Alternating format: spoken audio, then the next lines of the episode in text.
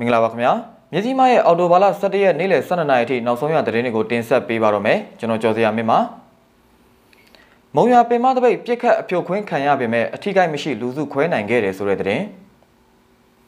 ဘလူးကျွန်းကလက်ပစ်ပုံမထိနိုင်လို့ကြွေးကြော်ပြီး PDF တွေကိုပြည့်ရည်ပြူတာကြောင့်ပြစ်ခတ်ခံရတဲ့ဒလန်ကိုပါပြူတေဆုံးတဲ့သတင်း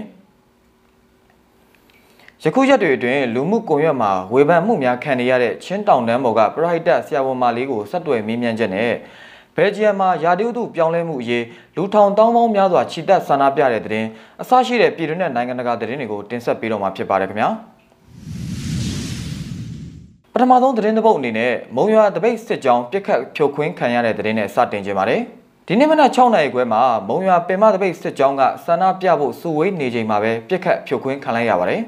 မြို့လယ်မီးပွိုင်နာမှာဆန္ဒပြဖို့ပြင်နေတဲ့အချိန်စစ်ကောင်စီတပ်ဖွဲ့ဝင်တွေရောက်လာပြီးတနက်နဲ့ပြစ်ခတ်ပြီးဖမ်းဆီးဖို့ကြိုးစားခဲ့တာဖြစ်ပါတယ်။ဒါပေမဲ့လည်းမုံရွာပင်မတပိတ်စစ်ကြောင်းကအထိကိတ်မရှိဘဲလူစုခွဲလိုက်နိုင်တယ်လို့သိရပါတယ်။ကျွန်တော်တို့စစ်ကြောင်းစထွက်မလို့လမ်းကိုကူးလိုက်တဲ့အချိန်မှာပဲစစ်ကားတစ်စီးရောက်လာပြီး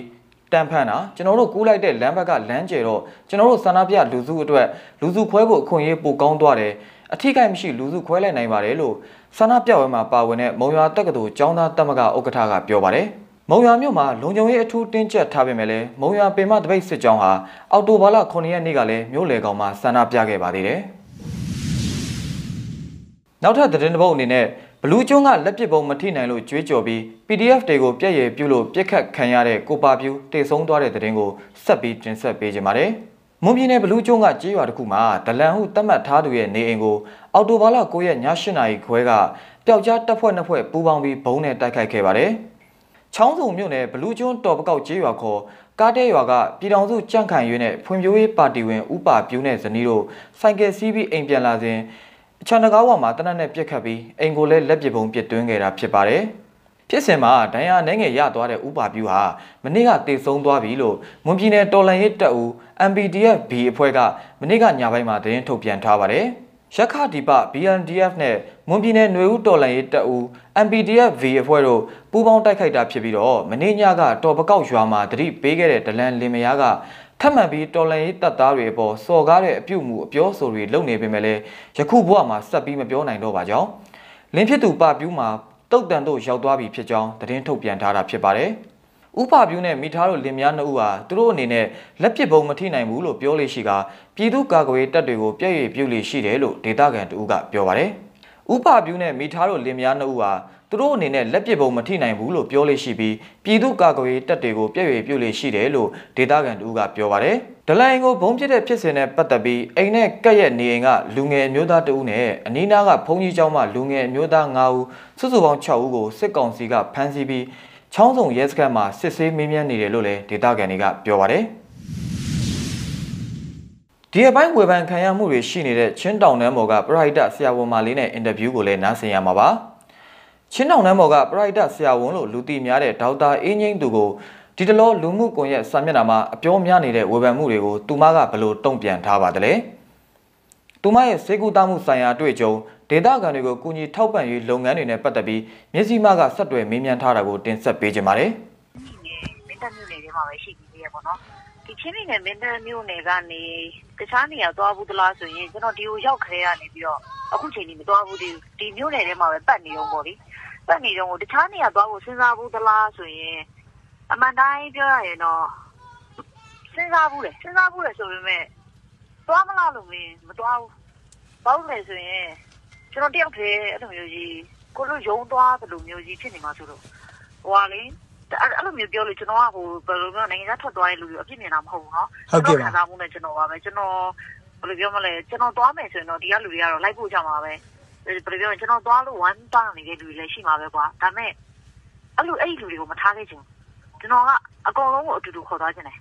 ဟုတ်ကဲ့အကုန်လုံးကျွန်တော်မိသားစုတင်မကပေါ့နော် ကျွန်တော်ချစ်ခင်ရတဲ့လူတွေအကုန်လုံးကိုကျွန်တော်ခေါ်သွားခြင်းတယ်အဲ့လိုမှမဟုတ်ဘူးမခေါ်သွားနိုင်သေးဘူးဆိုရင်တော့မသွားဘူးအဲ့ဒီစိတ်နဲ့ပဲနေနေရပါတော့အဲ့အခုချိန်ထိပါပဲဗီဇာလျှောက်တယ်ပါညာပြောကြတယ်တကယ်တမ်းကလေဟို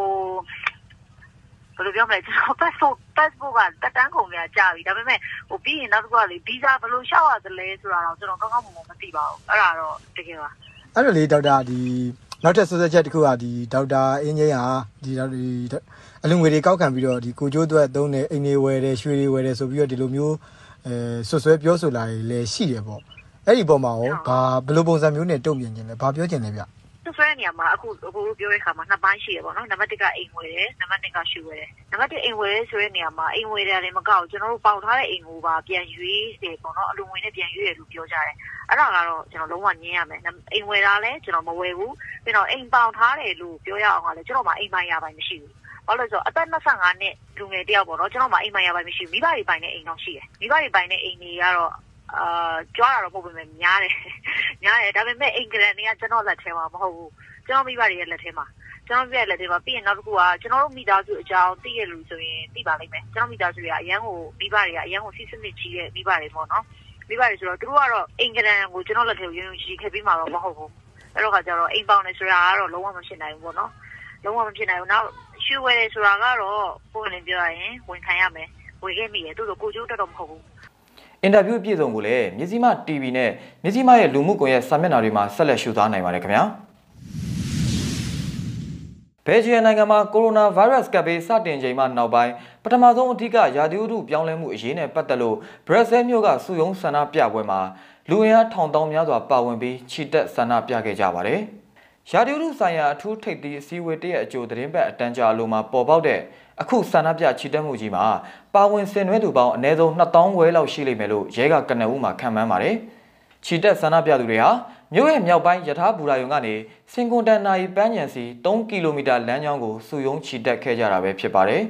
။အခုဆန္ဒပြပွဲကိုကြီးမှုကျင်းပသူတွေကတော့ပါဝင်သူအင်အား9000ကျော်ထက်မနည်းရှိတယ်လို့ဆိုကြပါတယ်။ ယတိပြတ်တဲ့လှုပ်ဆောင်ချက်နဲ့အတူစီကန်းတကြအပြောင်းလဲဖော်ဆောင်မှုအချိန်ကြာရောက်နေပါပြီ။လူသားတွေဆက်လက်ရှင်တန်ရေးအတွက်ပါပဲလို့ရာဒီဥတုအရေးတက်ကြွလှုပ်ရှားသူဒီဝီဘာက VRD ရုပ်တံကိုပြောပါတယ်။တက်ကြွလှုပ်ရှားတဲ့အဖွဲ့80လောက်ကရာဒီဥတုညွန်ပေါင်းမဟာမိတ်ဆိုတဲ့ခေါင်းစဉ်အောက်မှာစူစီးပြီးစင့်ခေါ်ဆင်နွှဲတဲ့အခုဆန္ဒပြပွဲမှာဘယ်ဂျီယံကနိုင်ငံရေးသမားတွေပါလမ်းပေါ်ထွက်ပူးပေါင်းပါဝင်ခဲ့ကြပါတယ်။ ရာဒီဥတုဆိုတာဟာလူမှုစီးပွားရေးနဲ့ဆိုင်ပါတယ်။အခုကျွန်တော်တို့တွေရာဒီဥတုအတွက်ရက်တည်နေတဲ့ကျွန်တော်တို့မျိုးဆက်တွေခါးစည်းခံရတာမျိုးမဖြစ်သင့်ဘူးလို့လူမှုဒီမိုကရက်တစ်ပါတီရဲ့အကြီးအကဲဖြစ်သူကွန်နော်ယူဆိုကပြောပါတယ်။ဘယ်ဂျီယံမှာဇူလိုင်လအတွင်းကပျက်စီးမှုပြင်းထန်တဲ့ရေကြီးမှုတွေမှာလူဒါဇင်ပေါင်းများစွာတေဆုံးထားတာကြောင့်အခုဆန္ဒပြပွဲဟာအရေးပါအရာရောက်တဲ့ဆန္ဒပြချီတက်မှုလည်းပဲဖြစ်ပါတယ်။ နိုင်ငံရေးသမားတွေကတော့အိုမင်းပြီးမှတေကြတယ်။ရိုဆာလေးကတော့ရာဒီဥတုပြောင်းလဲမှုကြောင့်တေခဲ့ရတယ်ဆိုပြီးဇူလိုင်လအတွင်းမြစ်ရည်နဲ့မျောပါတေဆုံးခဲ့တဲ့15နှစ်သမီးကိုရည်ရွယ်ပြီးရေးသားထားတဲ့စာတမ်းတစ်ခုကိုလည်းမြင်တွေ့ရပါတယ်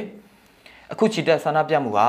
Glasgow မှာကုလသမဂ္ဂရာသီဥတုညီလာခံကျင်းပဖို့သတင်းပတ်တွေအလိုမှာဆင်နွှဲကျင်းပလာခဲ့တာလည်းဖြစ်ပါတယ်။အဲ့ဒီညီလာခံတွေ့ဆုံမှုမှာ 2015ပါရီရာသီဥတုဆိုင်ရာသဘောတူညီချက်အရကဘာကြီးပူနွေးလာမှုနဲ့ပတ်သက်လို့အများဆုံးအပူချိန်1.5ဒီဂရီဆဲလ်စီယပ်ကန့်သက်နိုင်ရေးနောက်ထပ်ဂရိကဝတ်တွေကိုနိုင်ငံတော်အစိုးရတွေကဖော်ဆောင်နိုင်ရေးဆွေးနွေးကြမှာဖြစ်ပါတယ်။